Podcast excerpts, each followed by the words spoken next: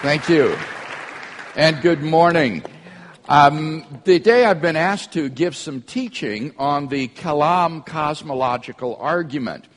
And you can find a fuller published discussion of this material in my book, Reasonable Faith, and also in the new Swedish version of On Guard. So if you want to follow up this lecture uh, by reading something about it, those published materials are available.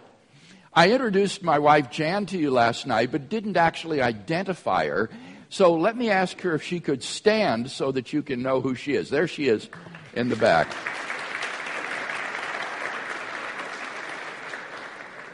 Thank you. Well, what is the Kalam cosmological argument? Let's let one of its greatest medieval champions speak for himself. Al Ghazali was a 12th century Muslim theologian from Persia or modern day Iran. And he was concerned that Muslim philosophers of his day were being influenced by ancient Greek philosophy to deny God's creation of the universe. They held, instead, that the universe flows necessarily out of God and is therefore beginningless. After thoroughly studying the writings of these philosophers, Al Ghazali wrote a devastating critique of their uh, views entitled The Incoherence of the Philosophers.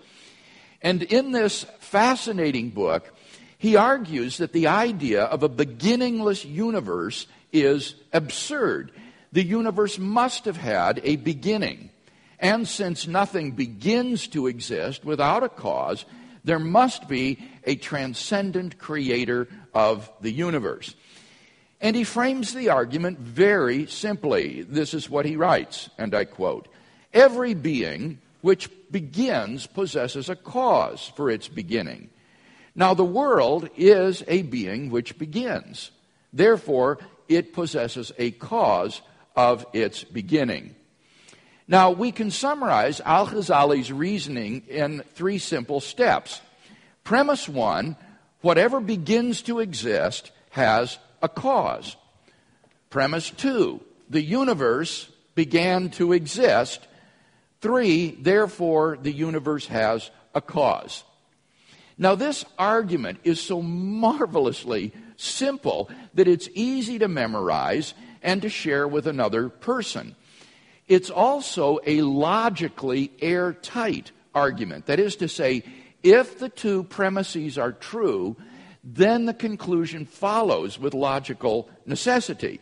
So, anybody who wants to deny the conclusion has to deny either premise one or premise two. He has to regard one of those premises as false. So, the whole question is are those two premises more plausibly true than false? Well, let's look at each of these premises in turn this morning. Premise one, you remember, is that whatever begins to exist has a cause. I personally think that this first premise is virtually undeniable for any sincere seeker after truth. For something to come into being without any causal conditions whatsoever would be to come into being from nothing. And that's surely impossible. Let me give three reasons in support of this first premise. First, something cannot come into being from nothing. To claim that something can come into being from nothing is worse than magic. When a magician pulls a rabbit out of the hat, at least you've got the magician, uh, not to mention the hat. But if you deny premise one, you've got to say that the universe simply popped into being for no reason whatsoever at some time in the finite past. Now, I find this point especially effective in sharing with unbelievers because unbelievers so often characterize theism as magic. God just creates the universe and presto, it appears. But I think, as this first point illustrates, atheism is worse than magic. The idea that something could just pop into being without a cause, such as a horse or an Eskimo village, is just uh, metaphysically absurd. Now, sometimes skeptics will respond to this first point by saying that in physics, subatomic particles, so called virtual particles, come into being without a cause from nothing. Or sometimes certain popular theories of the origin of the universe are described in popular magazines as getting something from nothing, so that the universe is the exception to the proverb, there ain't no free lunch. But I think that this uh, response represents a deliberate abuse of science. The theories in question have to do with particles or the universes originating as a fluctuation of the energy which fills empty space, the so called vacuum energy. And the vacuum in modern physics is not nothing. Uh, rather, in physics, the vacuum is a sea of fluctuating energy that fills space and is governed by physical laws and has a physical structure. So, to tell lay people that on such theories uh, the universe comes into being from nothing is a deliberate uh, misrepresentation of those theories. And there is, by the way, I think, a very important lesson in this. You have to be very, very leery of popular magazine articles and television programs on these scientific theories. In order to con- communicate these uh, complex scientific theories to laymen, scientists invariably have to resort to metaphors uh, and word pictures that can be grossly misleading and inaccurate. And the claim that uh, in modern physics something can come from nothing is precisely uh, a, an illustration of this point. Especially egregious offenders on this regard would be Stephen Hawking and Leonard Mlodinow in their new book, The Grand Design, or the physicist Lawrence Krauss, who purports to explain the origin of the universe from nothing, when in fact what they're talking about is the quantum vacuum energy filling space.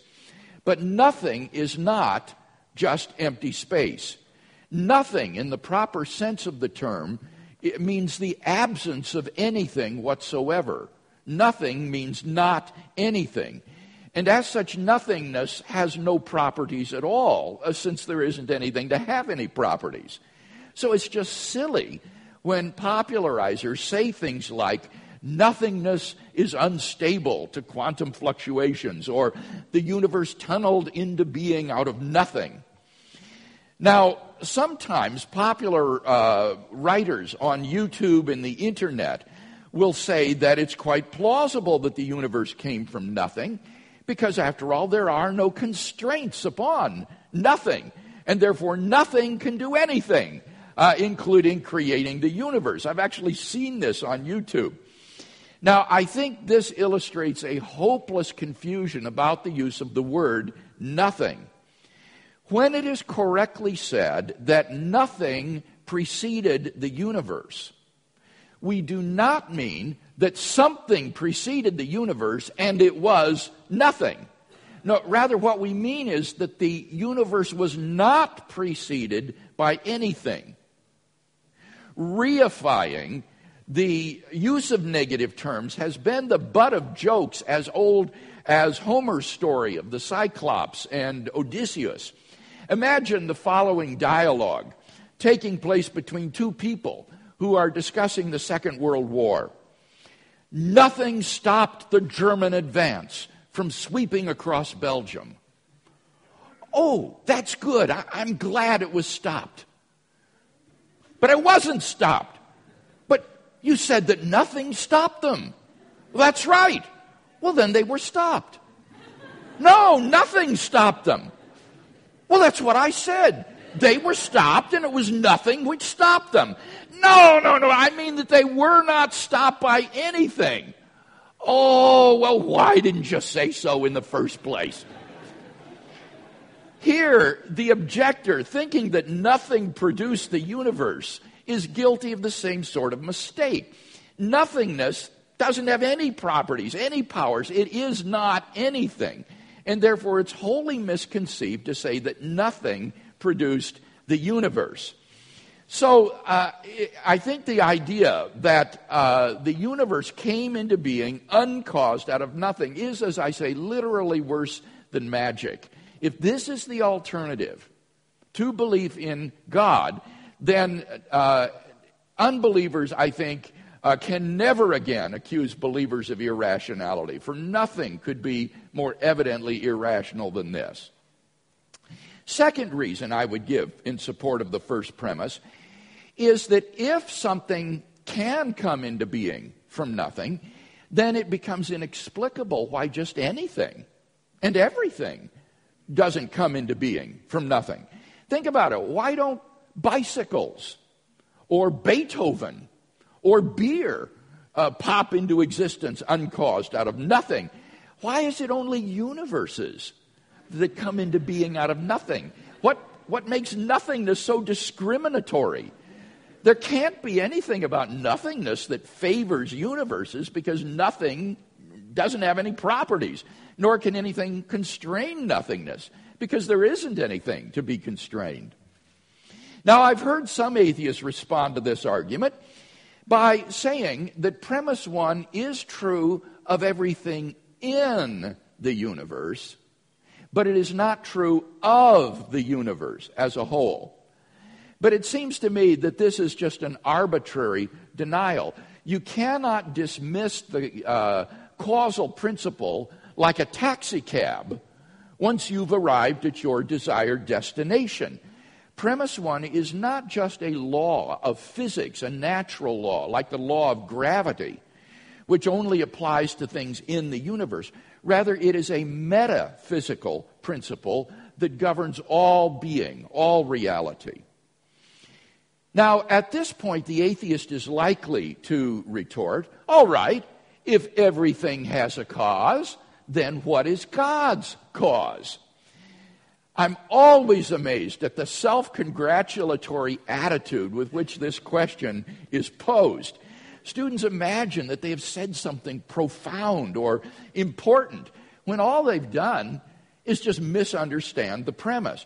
Premise one does not say that everything has a cause. Rather, it says that everything that begins to exist has a cause. Something that is eternal wouldn't need a cause because it never began to exist, it never came into being. So, Al Ghazali would simply say that God is eternal and uncaused.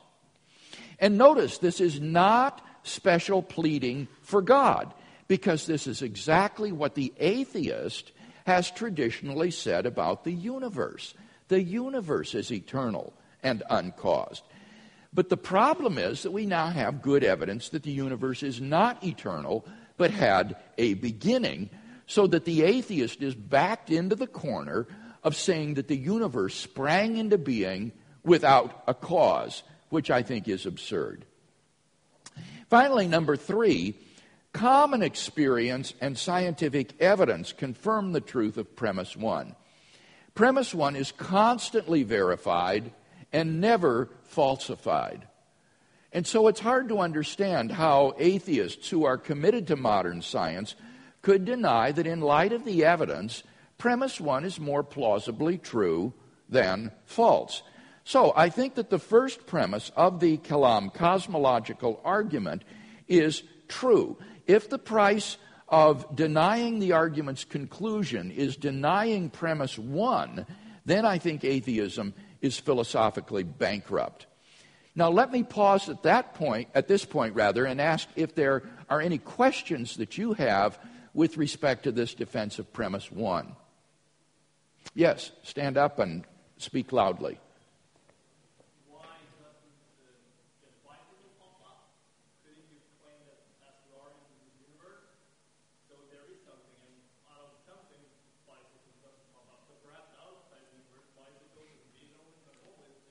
Yeah, it seems to me that this is exactly the point I've already answered.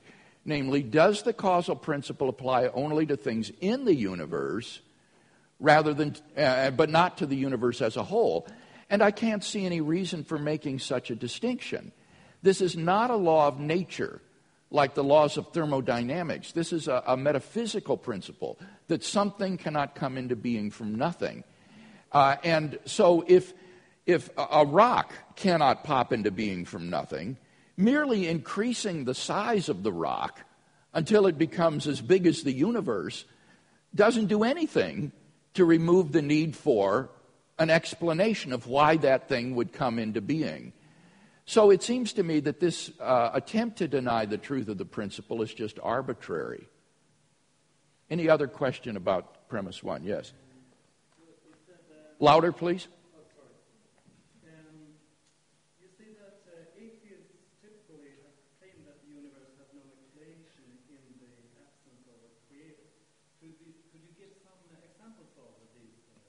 Yes. The question was what atheists am I thinking of who have typically said uh, that the universe is eternal and uncaused? This is the traditional position of atheism right up until the, the 20th century.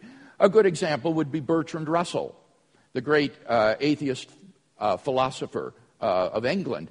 In his 1938 debate on the existence of God with Frederick Copleston on the BBC, Copleston presented an argument for God based on the existence of the universe, and Russell's response was to say, The universe is just there, and that's all.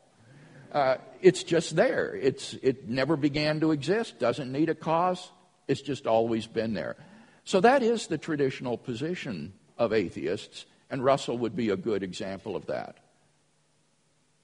Any other question on the first premise? Yes.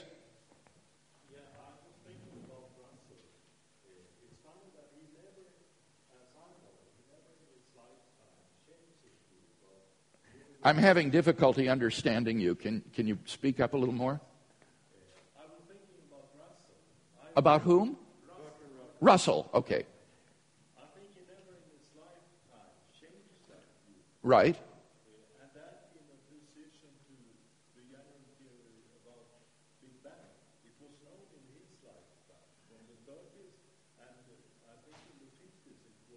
Yes.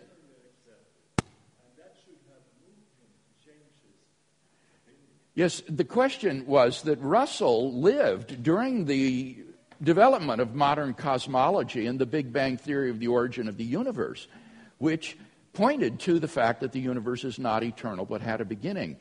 And yet, Russell apparently never changed his view. In fact, I'm not aware that he ever even interacted with the evidence of astrophysical cosmology for a beginning. I am not aware of any place in his writings where he reflects on that. And that certainly represents a remarkable uh, absence of engagement on his part, if that's the case. Well, let's move on then to the uh, second, and I think more controversial premise that the universe began to exist. Let me present two philosophical arguments and, as time permits, some scientific confirmation of this premise. First, philosophical argument. Al Ghazali argued that if the universe never began to exist, then there have been an actually infinite number of past events prior to today. But he argued an actually infinite number of things cannot exist. Now, Al Ghazali recognized that a potentially infinite number of things could exist, but he denied that an actually infinite number of things could exist. Now, how do we understand this distinction? Well, when we say that uh, something is potentially infinite, we mean that infinity serves merely as an ideal limit which is never actually reached. For example, you could divide any finite distance into halves and then quarters and then eighths and then sixteenths uh, onto infinity. The number of divisions is potentially infinite in the sense that you could divide endlessly. But you would never arrive at an infinitieth division. You would never have an actually infinite number of parts or divisions. Now, Al Ghazali has no problem with the existence of merely potential infinites. These are just ideal limits. But he argued that an actually infinite number of things could not exist. Say, an actually infinite number of coins or stars or whatever, because then various absurdities would result. And if we're to avoid these absurdities, we must deny that an actually infinite number of things exist. And that would imply that the number of past events in the history of the universe cannot be actually infinite. And therefore, the universe cannot be beginningless. Rather, the universe must have begun to exist. Now, it's very frequently alleged today that this sort of argument has been invalidated by modern developments in mathematics. In modern set theory, for example, the use of actually infinite sets is commonplace.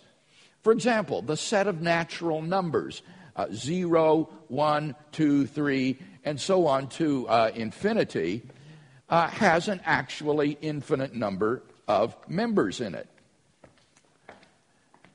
So, if you were to say how many uh, members are there uh, in the set of natural numbers, the answer would be it's an actually infinite number of members. But it seems to me that these developments uh, in modern mathematics uh, do not invalidate Al Ghazali's argument. They merely show that if you adopt certain axioms and rules, then you can talk about actually infinite collections in a consistent way without contradicting yourself. All of this, all this accomplishes is showing how to set up a certain universe of discourse for talking consistently about actual infinites. But it does absolutely nothing to show that such mathematical entities really exist or that an actually infinite number of things can really exist. If Al Ghazali is right, then this universe of discourse may be regarded as just a fictional uh, realm, rather like the world of Sherlock Holmes, invented by Sir Arthur Conan Doyle, or just something that exists in your mind. Now, the way in which Al Ghazali brings out the real impossibility of an actually infinite number of things is by imagining what it would be like if an actually infinite number of things really could exist, and then drawing out the absurd consequences. Let me share one of my favorite illustrations from the great German mathematician David Hilbert, which is uh, known as Hilbert's Hotel. Now, as a warm up, Hilbert invites us to imagine an ordinary hotel with a finite number of rooms. Suppose, moreover, that all of the rooms are occupied. If a new guest shows up at the desk asking for a room, the manager apologizes. Sorry, all the rooms are full, and the new guest has to be turned away. But now, says Hilbert, let's imagine a hotel with an infinite number of rooms. And let's suppose, once again, that all the rooms are full. There is no vacancy anywhere in the infinite hotel. Every room in the hotel already has a person in the room. Now, suppose a new guest shows up at the hotel asking for a room. No problem, says the manager. And he moves the person who was in room one into room two the person who was in room two into room three, the person who was in room three into room four, and so on to infinity. As a result, room one now becomes vacant and the new guest is easily accommodated. And yet, before he arrived, all the rooms were full.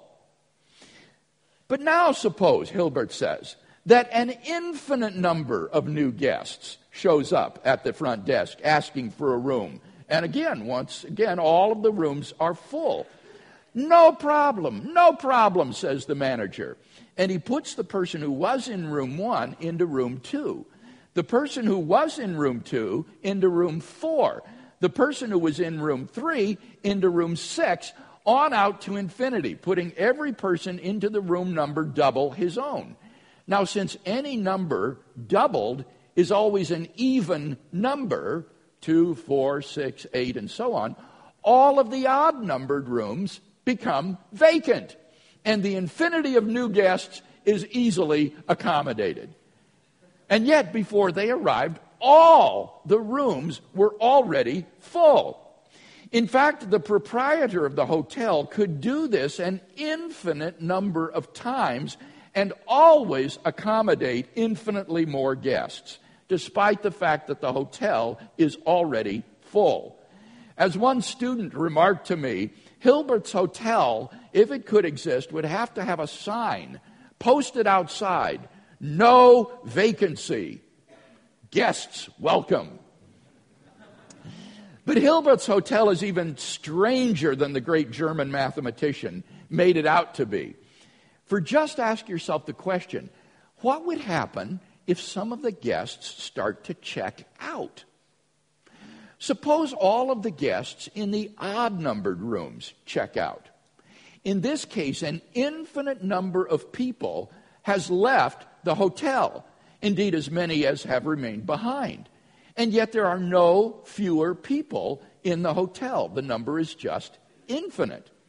Now, suppose the manager doesn't like having a half empty hotel. It looks bad for business, after all. No problem. By moving the guests as before, only this time in reverse order, he can convert his half empty hotel into a hotel that is completely filled. Now, you might think that by means of these maneuvers, the manager could always keep this strange hotel fully occupied. But in fact, you'd be wrong. For suppose that the guests in rooms four, five, six, seven, on out to infinity check out. At a single stroke, the hotel would be virtually emptied, the guest register reduced to just three names, and the infinite converted to finitude. And yet, it would remain true that the same number of guests checked out this time as when all of the odd numbered guests checked out. Can anyone believe that such a hotel could really exist in reality? Hilbert's Hotel, I think, is absurd. And since nothing hangs on the illustrations involving a hotel, the argument can be generalized to show that the existence of an actually infinite number of things is metaphysically absurd. Now, sometimes people will react to illustrations like Hilbert's Hotel by saying that these absurdities result because we uh, cannot grasp the concept of infinity and it is beyond our understanding. But this objection is naive and mistaken. As I said, infinite set theory is a well developed and well understood branch of modern mathematics. These absurdities result because we do understand the nature of the actual infinite. Hilbert was a smart man, and he knew well how to illustrate the bizarre consequences of the existence of an actually infinite number of things. Really, the only thing that the critic can do at this point is just bite the bullet and say that a Hilbert's hotel is not absurd after all. And sometimes critics will try to justify this move by saying that if an actual infinite could exist, then such situations are exactly what we should expect. But this justification is inadequate. Hilbert would, of course, agree that if an actual infinite could exist, then the situation with his imaginary hotel is what we should expect. Otherwise, it wouldn't be a good illustration, right? But the question is whether a Hilbert's Hotel really is possible. Moreover, I don't think that the critics can simply bite the bullet when it comes to situations like the guests checking out of the hotel, because here we appear to have a logical contradiction. We subtract identical quantities from identical quantities and we come up with non identical results. And that's why subtraction of infinity from infinity is prohibited in transfinite arithmetic.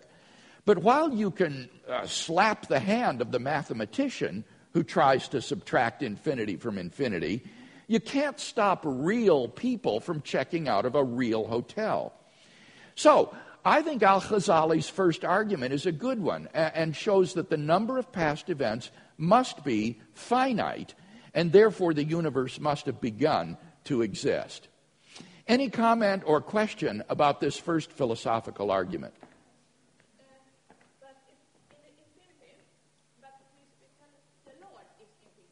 Mm-hmm.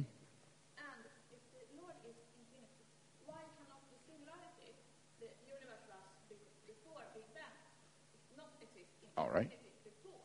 Right. She said, Isn't God infinite? And so, if you can't have an actual infinite, what about God? The argument is concerned with what we might call a quantitative or mathematical infinite. That is to say, there cannot exist an actually infinite number of things. But the infinity of God is not a quantitative infinity. God is not made up of an actually infinite number of parts like a set. Rather, infinity, when applied to God, is, as it were, a qualitative infinity. That is to say, God has these superlative properties like omnipotence, omniscience, moral perfection, self existence, timelessness, and so forth. Uh, it is not a quantitative concept when applied to God. And therefore, these arguments against the uh, existence of an actually infinite number of things would simply not apply to God because God is not an aggregate of an actually infinite number of pieces. Moreover, uh, God would not exist literally prior to the Big Bang. Time would begin at the moment of the Big Bang, and God would be timeless. He would transcend time. So there is not an infinite regress of events in the life of God either on Al Ghazali's view. Yes?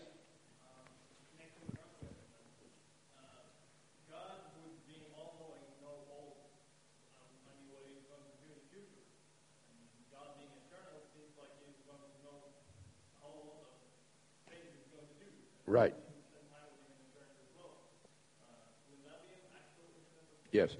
The question is if God foreknows the future and the future is potentially infinite, then wouldn't there be an actually infinite number of things that God knows?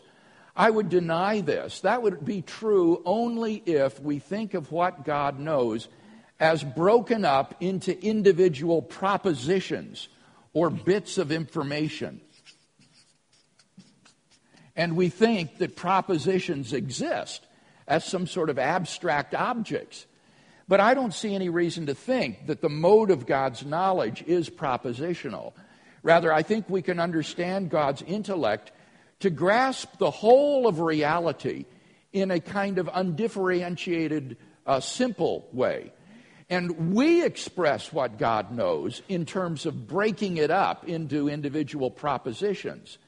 But uh, God's mode of knowledge is simple and not broken up into propositions, so there isn't an actual infinite in this case that merely exists.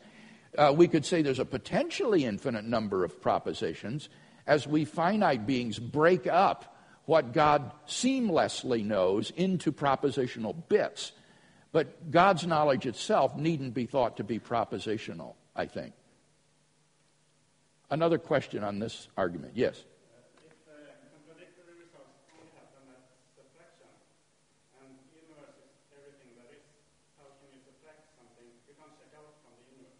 All right, now, if I understood your question correctly, you said if the universe is everything there is, and then the, question, well, that's question begging. That's atheism to say the universe is everything there is. So you can't presuppose that. I don't think the universe is everything there is. The question we're asking is is there a cause? Is there something beyond the universe? Can you check out from the universe? Um, the point is that you can number the number of events in the past and say if the universe is beginningless, how many events have occurred? Well, it couldn't be any finite number. Otherwise, you would get back to a beginning point. It can't be potentially infinite because for the universe to be potentially infinite in the past, it would have to be finite but growing in a backward direction, which is absurd. Time goes forward, not backwards. Our thoughts regress in time, but the events themselves are progressing. So if the universe is beginningless, it seems to me that the number of events has to be actually infinite. It can't be either finite or potentially infinite. All right, well, let's press on in the interests of time to Al Ghazali's second independent argument for a beginning of the universe. Those who deny that the universe began to exist have to refute not only his first argument, but also his second one, because it's independent of the first one. Al Ghazali observes that the series of past events has been formed by adding one member after another. The series of past events is like a sequence of dominoes falling one after another until the last domino today is reached. But he argues that no series which is formed by adding one member after another can be actually infinite. For you cannot pass through an actually infinite number of things, one item at a time.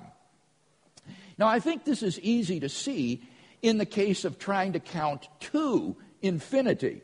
No matter how high you count, there is always an infinity of numbers left to count. But if you cannot count to infinity, how could you count down from infinity? This would be like someone's claiming to have counted down all the negative numbers ending at zero. Negative three, negative two, negative one, zero. And this seems crazy. For before he would count zero, he would have to count negative one. But before he could count negative one, he would have to count negative two. And before he could count negative two, he would have to count negative three, and so on and so on. And he's just driven back and back into the past to infinity. Before any number could be counted, an infinity of numbers would already have to have been counted first. You just get driven back and back into the past so that no number could ever be counted. But then the final domino could never fall if an infinite number of dominoes had to fall first. So today could never be reached. But obviously, here we are. And this shows that the series of past events must be finite and have a beginning. Now, critics have objected to this argument uh, by saying that in a beginningless past, there is no event infinitely distant from the present.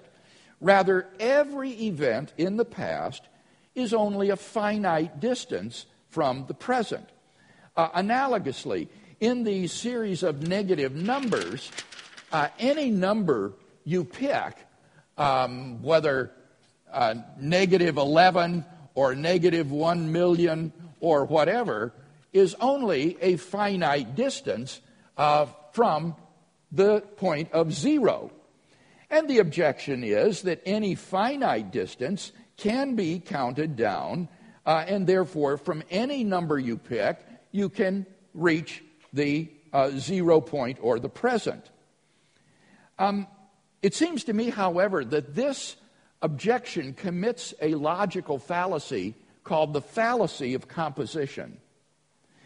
The fallacy of composition is the, pro- uh, the fallacy of confusing the property of a part of a thing with a property of the whole of the thing.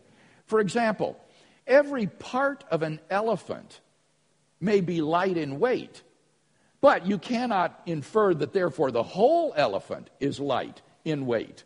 Now, this objection seems to think that because every part of the past can be counted down, that therefore the whole infinite series can be counted down or crossed. And so they have committed the elementary fallacy of composition. The question is not how any finite part of the past could be formed by adding one member after another, but how the whole beginningless past could be completed by adding one member after another. Al Ghazali sought to heighten the absurdity of forming uh, an infinite past uh, by successive addition by giving illustrations of the absurdities that would result if it could be done. For example, suppose that for every orbit that Saturn completes around the Sun, Jupiter completes two orbits. The longer they orbit, the farther Saturn falls behind. If they continue to orbit forever, then they will approach a limit at which Saturn is infinitely far behind Jupiter. But now turn the story around.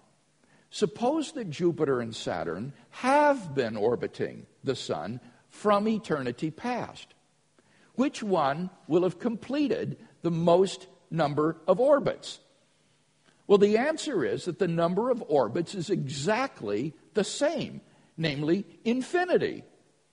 And don't let somebody try to wiggle out of this argument by saying that infinity is not a number. In modern mathematics, uh, infinity is a number. It is the number of elements in the set of natural numbers 0, 1, 2, 3, and so forth.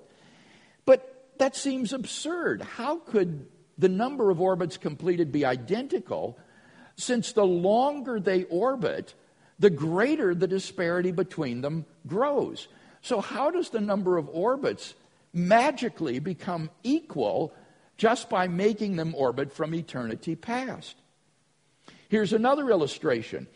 Suppose we meet someone who claims to have been counting down uh, from eternity past and is now finishing. Negative three, negative one, negative, uh, or negative three, negative two, negative one, zero. Whew, finished.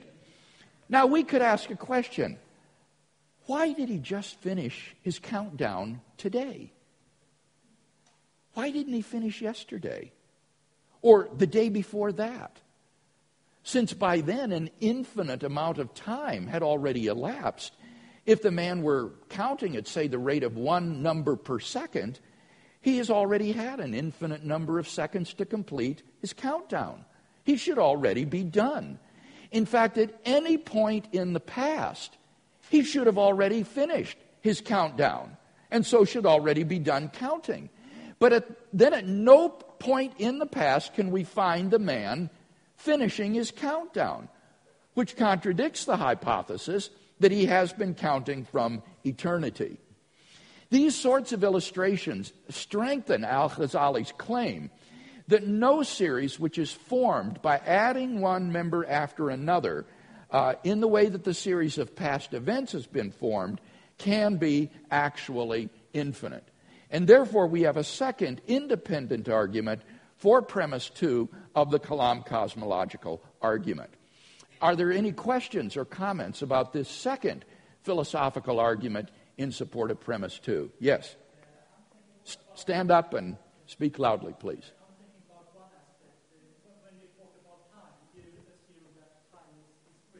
Is what? Discrete. Yeah, I, I don't think that it does presuppose that time is discrete.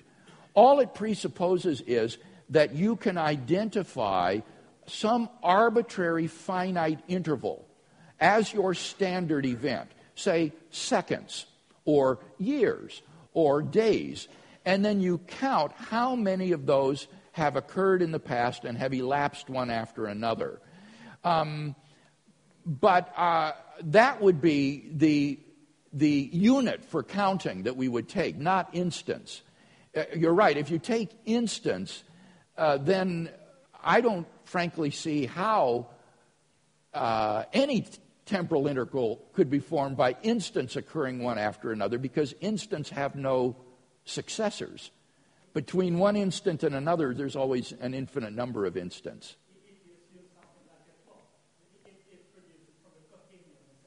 I, am sorry, I didn't understand. A clock? A watch or a clock? Right. In, in, a, in a clock or a watch, you have arbitrary intervals of time that are finite and non zero in duration. On our watches, we have minutes and seconds. And so that's what the argument concerns. Can you have an actually infinite number of seconds, say, that elapse one after another until you have an actually infinite collection of seconds? And the argument is you can't do that. So it doesn't presuppose that time is discrete, I think, in that sense. It just says you pick some arbitrary interval to be your standard event and then ask, have these been able to elapse over the past? Some other comment or question? Uh, yes.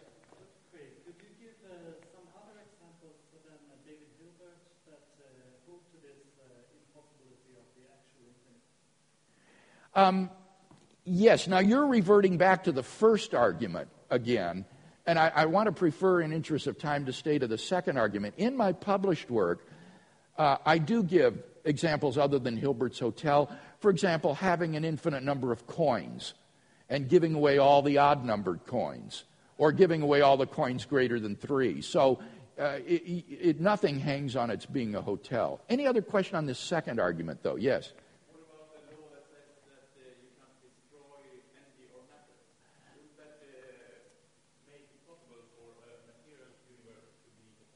Okay. The question concerns the law of conservation of mass and energy, whether or not that wouldn't contradict the universe have a beginning. That's not relevant to these philosophical arguments for the beginning. That would be relevant to the scientific evidence. And what I would say there is that modern cosmologists do not consider the law of the conservation of mass and energy to contradict the Big Bang model because the law of the conservation of energy and mass holds from the beginning of time onward. But it does not say that the whole arena of nature cannot come into being uh, and have a beginning. And that's why contemporary cosmologists don't consider the Big Bang model to be in contradiction to the laws of thermodynamics. And in that sense, you see, these laws are different from the metaphysical principle that everything that begins to exist has a cause. These laws operate within the universe, in the realm of nature. But if the whole arena of nature in which those laws hold come into being, that doesn't violate the laws which hold within the arena. By contrast, the law of causality is not a physical law, it's a metaphysical principle that governs all of reality. Well, let's go on to the scientific evidence for the beginning of the universe. In one of the most astonishing developments of modern science, which Al Ghazali could never have anticipated, we actually have pretty strong evidence um, scientifically that the universe is not eternal in the past, but must have had an absolute beginning. In the standard Big Bang uh, model, if we let this disk represent the three dimensions of space, and the vertical dimension represent time, as you trace the universe back in time, the universe contracts down to a point before which literally nothing existed. And when I say that, we need to be careful. I do not mean that something existed prior to the Big Bang and it was nothing. No, we mean there was not anything prior to this point. At this point, which occurred about 13.7 billion years ago, um, all matter and energy and even physical space and time came into existence. So that this represents literally the beginning of the universe. In fact, in the year 2003, uh, something of a watershed appears to have been reached three leading cosmologists, uh, Arvind Borde, uh, Alan Guth, and Alexander Vilenkin, were able to craft a theorem which proves that any universe which on average has been expanding throughout its history cannot be infinite in the past, but must have a past space time boundary. And what makes the Borde Guth Vilenkin theorem so powerful is that it holds regardless of the physical description of the very early universe. because we do not yet have a quantum theory of gravity, we cannot yet give a physical description of the first split second of the universe. But the Borde Guth Vilenkin theorem holds regardless of any physical description of that uh, brief era. Their theorem implies, in fact, that even if our universe is just a part of a multiverse of universes, the multiverse itself cannot be infinite in the past, but must have a past space time boundary. Vilenkin is very blunt about the implications. Here's what he says, and I quote It is said that an argument is what convinces reasonable men, and a proof is what it takes to convince even an unreasonable man. With the proof now in place, cosmologists can no longer hide behind the possibility of a past eternal universe. There is no escape. They have to face the problem of a cosmic beginning. End quote. In fact, just this past January in Cambridge, at the birthday uh, celebration uh, for Stephen Hawking's 70th birthday, Vilenkin gave a paper on the beginning of the universe in which he summarized the current situation by saying, All the evidence we have says that the universe had a beginning. Now, that's a, a, noteworthy statement. He's not saying the evidence for a beginning outweighs the evidence that the universe is eternal. He says all the evidence that we have says that the universe had a beginning. Frankly, I'm not aware of any evidence on the other side of the scale that suggests the universe is eternal in the past. All of the evidence is on the side of the scale that says the universe had a beginning.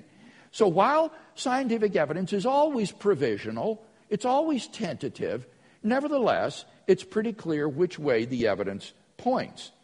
Now, we can fully expect that new models will be crafted to try to avoid the beginning of the universe. And we're to welcome such proposals. Uh, and I think we have no more reason to think that they will be successful than any of their failed predecessors. Um, so we can invite such proposals and, and follow the evidence where it leads. But today, I think the proponent of the Kalam cosmological argument stands very comfortably within the scientific mainstream in holding that the universe began to exist. Any question about the cosmological evidence? Yes.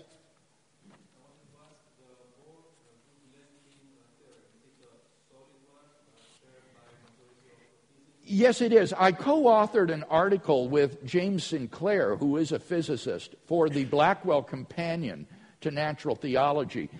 And Sinclair says that the Borde Guth Vilenkin theorem is now widely accepted uh, in the physics community, and that those who try to avoid the beginning of the universe predicted by the Borde Guth Vilenkin theorem try to find ways in which the theorem can hold but they can avoid the conclusion that it implies.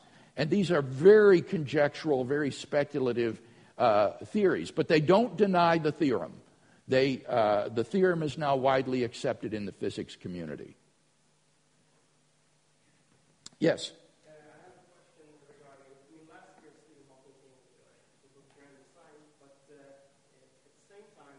enjoy the same support that would be given for inflationary cosmology, uh, and I guess they also claim that they see some structure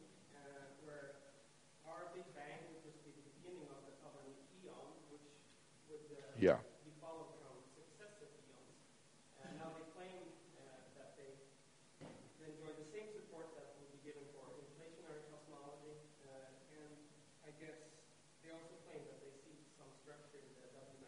Right. Right. Right. The Penrose's theory is so new, his conformal cosmology, that it still remains to be assessed. Uh, but in the article in the Blackwell Companion that I referred to, um, James Sinclair does interact with um, the Penrose model. that's the Blackwell Companion to Natural Theology. And then also, Sinclair and I have an article coming out uh, in a volume edited by um, Yujin Nagasawa uh, from the University of Birmingham in England uh, on religion and science in uh, contemporary discussion. Um, you'll recognize the title of the book by the uh, editor's name. It's published by Macmillan. And in this, he also discusses further Penrose's conformal cosmology. And what uh, Sinclair points out is besides uh, being very physically um, controversial in that it, it, it, contradicts certain elements of contemporary physics, uh, Sinclair argues that even if it's successful, it's not clear that these other universes represent literally prior universes to ours. Rather, they would seem to be uh, time reversed so that these other universes, like ours, have a common origin at the beginning of time, and then you kind of have a multiverse that goes out from that beginning. Do you see what I mean? These, these other universes are not really temporally prior, and so they don't really serve to reestablish the infinitude of the past. So if you're interested in those uh, technical questions, take a look at these articles. Any other question about this? Yes.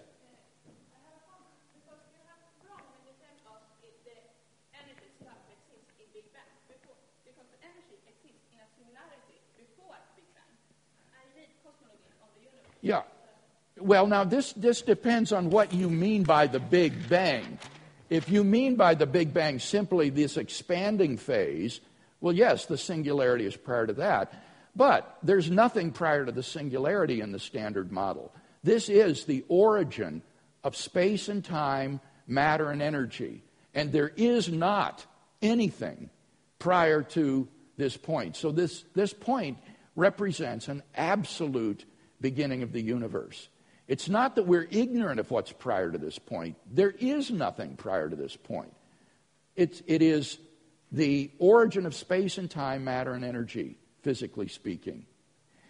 Well, that brings us nearly to the end of our time. Let me just say this. If this argument is sound, it gives us then a cause of the universe. And from this, we can deduce certain properties of this cause. For example, this cause must be uncaused because we've seen that an infinite regress of causes is impossible.